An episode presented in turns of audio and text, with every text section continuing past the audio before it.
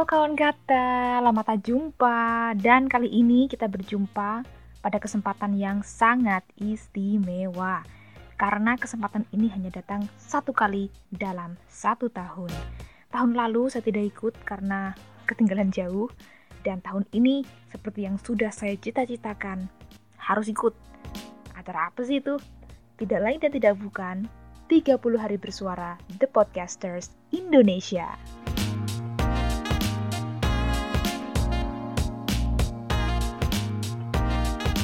Jadi dalam 30 hari ke depan, podcast Lihat Kata akan membayar hutang episode yang bolong selama ini dengan tema-tema yang sudah ditentukan oleh tim 30 hari bersuara The Podcasters Indonesia setiap harinya.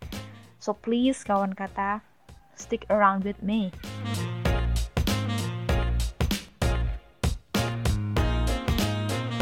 Dan tema untuk episode pertama ini adalah panggilan yang saya amati kebiasaan orang Indonesia itu mereka agak repot gitu sama panggilan.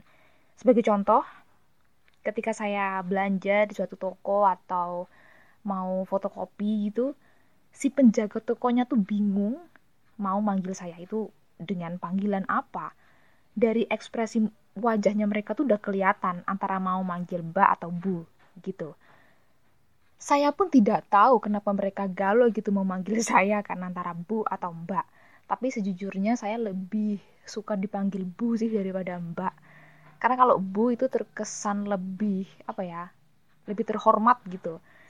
Ya, beberapa kali saya dapati orang tuh bingung mau manggil saya mbak atau bu. Terus ada gitu yang memilih memanggil saya tuh bule. Tapi beberapa waktu kemudian secara refleks yang manggil saya bule itu jadi mbak. Tapi ya itu pengalaman dari saya. Terus juga yang saya lihat orang Indonesia tuh canggung untuk bilang atau memanggil sebutan orang kedua tunggal. Kayak kamu atau anda. Ke orang yang mereka tidak familiar. Kalau yang temennya sendiri kan ya udah jelas lo gitu kan tapi kalau untuk orang yang tidak familiar gitu mereka canggung untuk bilang kamu atau anda. Pasti tuh diganti sama kata benda orang ketiga gitu. Semacam bapak ibu kakak. Dan yang paling mengiritasi telinga saya adalah panggilan mbaknya atau masnya. Itu sungguh saya sangat benci gak enak didengar gitu loh. Tapi ya memang harus diakui kalau panggilan uh, kakak bu atau mbaknya gitu itu terdengar lebih natural. Karena itu yang biasanya orang Indonesia lakukan gitu ya. Kayak misalkan contoh di uh, bis gitu ya uh, petugasnya bilang mbaknya mau ke mana?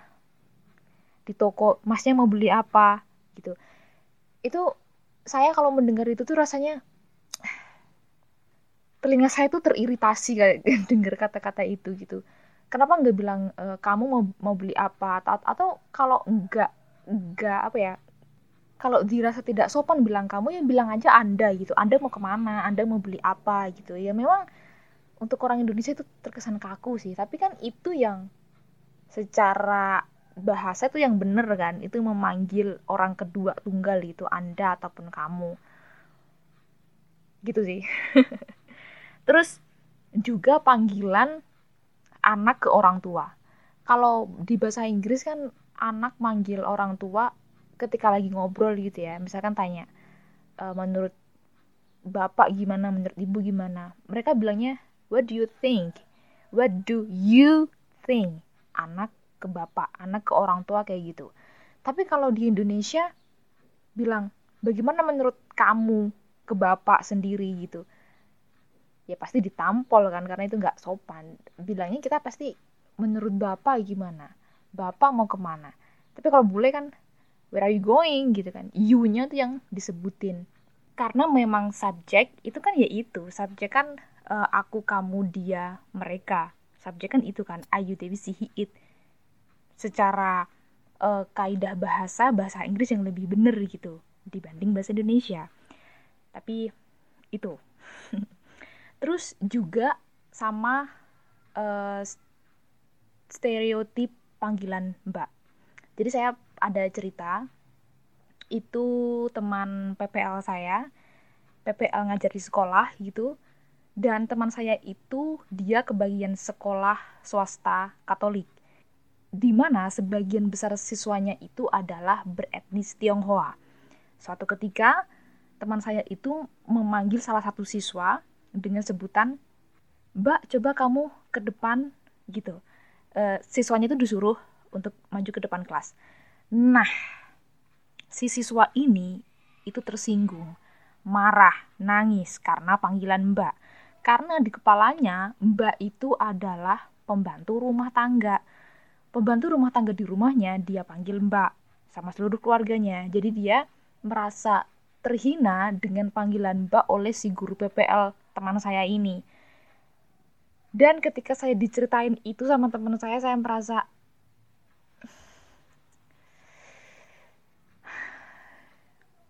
berarti memang stereotipnya orang Jawa itu jadi pembantu ya.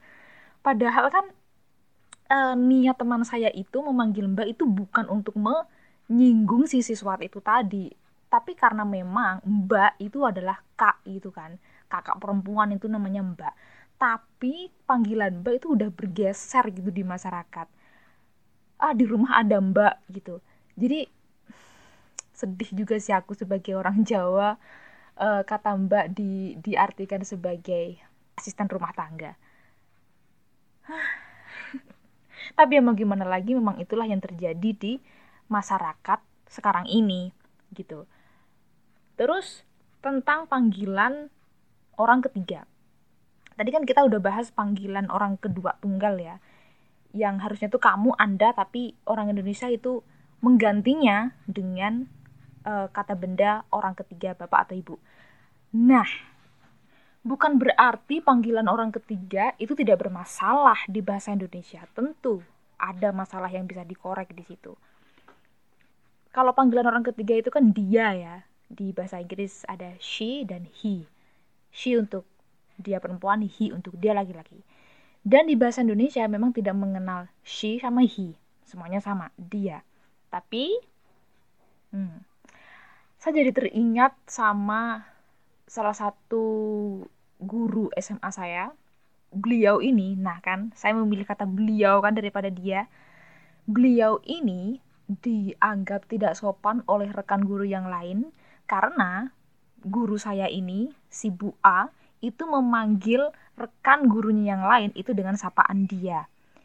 E, misalkan dalam satu dialog gitu, wah saya nggak tahu ini dibawa si Bu B, yang mungkin dia lupa dengan menyebut Bu B itu dia si ibu A ini dianggap oleh teman-teman gurunya yang lain itu tidak sopan karena harusnya memilih kata beliau daripada dia.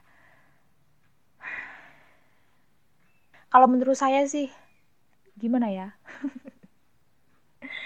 um, ya itulah tadi yang saya bilang bahwa orang Indonesia itu repot dalam memanggil, repot dalam menentukan panggilan gitu. E, kapan kita harus bilang kamu, bilang Anda, terus kadang-kadang kita merasa canggung untuk bilang kamu atau Anda, terus uh, bagaimana kita memanggil itu bu atau mbak atau kak gitu kan. Terus lagi kita harus memilih kapan bilang dia kapan bilang beliau gitu. Ya seharusnya tuh nggak jadi masalah sih dalam dalam dalam teori berbahasa. Karena memang dia ya itu untuk orang ketiga tunggal yang kita bicarakan kan. Tapi itu jadi masalah dan dianggap tidak sopan gitu. Karena memanggil dia daripada beliau. Terus juga ada kata si dan sang. Kalau di bahasa Inggris itu cuma the. Nah, ini juga ada cerita. Waktu itu, ini ceritanya bapak saya yang ditanya sama salah satu tetangga. Tetangga itu bilang sama bapak saya e, menanyakan kabarnya saya dengan memanggil saya itu depannya itu dikasih kata si. Lah si Mira itu kabarnya gimana gitu. Nah itu pun bapak saya itu tersinggung dengan saya dipanggil si tapi uh, bapak saya nggak tahu kenapa dia tersinggung. Sorry aku gak bilang beliau tapi dia. Karena udah udah kebiasa gitu bilang dia. Ya itu karena si itu uh, orang Indonesia sudah terbiasa kalau si itu untuk sebutan si kancil. Si kancil yang nakal yang uh, suka menipu si si si kancil si pencuri. Pokoknya si itu untuk sebutan untuk uh, oknum-oknum yang tidak bertanggung jawab itulah si. Uh, makanya bapak saya tersinggung saya dibilang si Mira gitu. Tapi kalau dibilang sang kan juga nggak enak ya. Ya harusnya tanyanya tuh gimana kabarnya Mira? gitu aja nggak usah pakai si. Itu. Nah sekali lagi kita harus milih kapan bilang si kapan bilang sang kapan bilang kamu kapan bilang anda kapan bilang mbak, kapan bilang bu, dan lain sebagainya itu kan. Itulah betapa repotnya hal-hal mengenai panggilan ini di bahasa Indonesia untuk orang Indonesia di Indonesia. Tapi memang semua itu muaranya adalah sopan santun. Kita memerlukan usaha lebih gitu untuk memikirkan panggilan yang sesuai kepada seseorang yang kita ajak bicara dan atau yang kita bicarakan itu tujuannya adalah untuk menghormati mereka. Jangan sampai kita menyinggung perasaan mereka dengan panggilan yang mereka tidak kehendaki. Karena itu akan jadi masalah yang tidak penting, ya kan? Padahal sebenarnya kita tidak pernah bermaksud untuk kurang ajar. Ya, itu membuktikan bahwa memanggil seseorang di bahasa Indonesia itu tidak mudah dan kadang-kadang merepotkan. Jadi itu dia episode pertama 30 hari bersuara di podcast Lihat Kata. Saya Mira, sampai jumpa besok.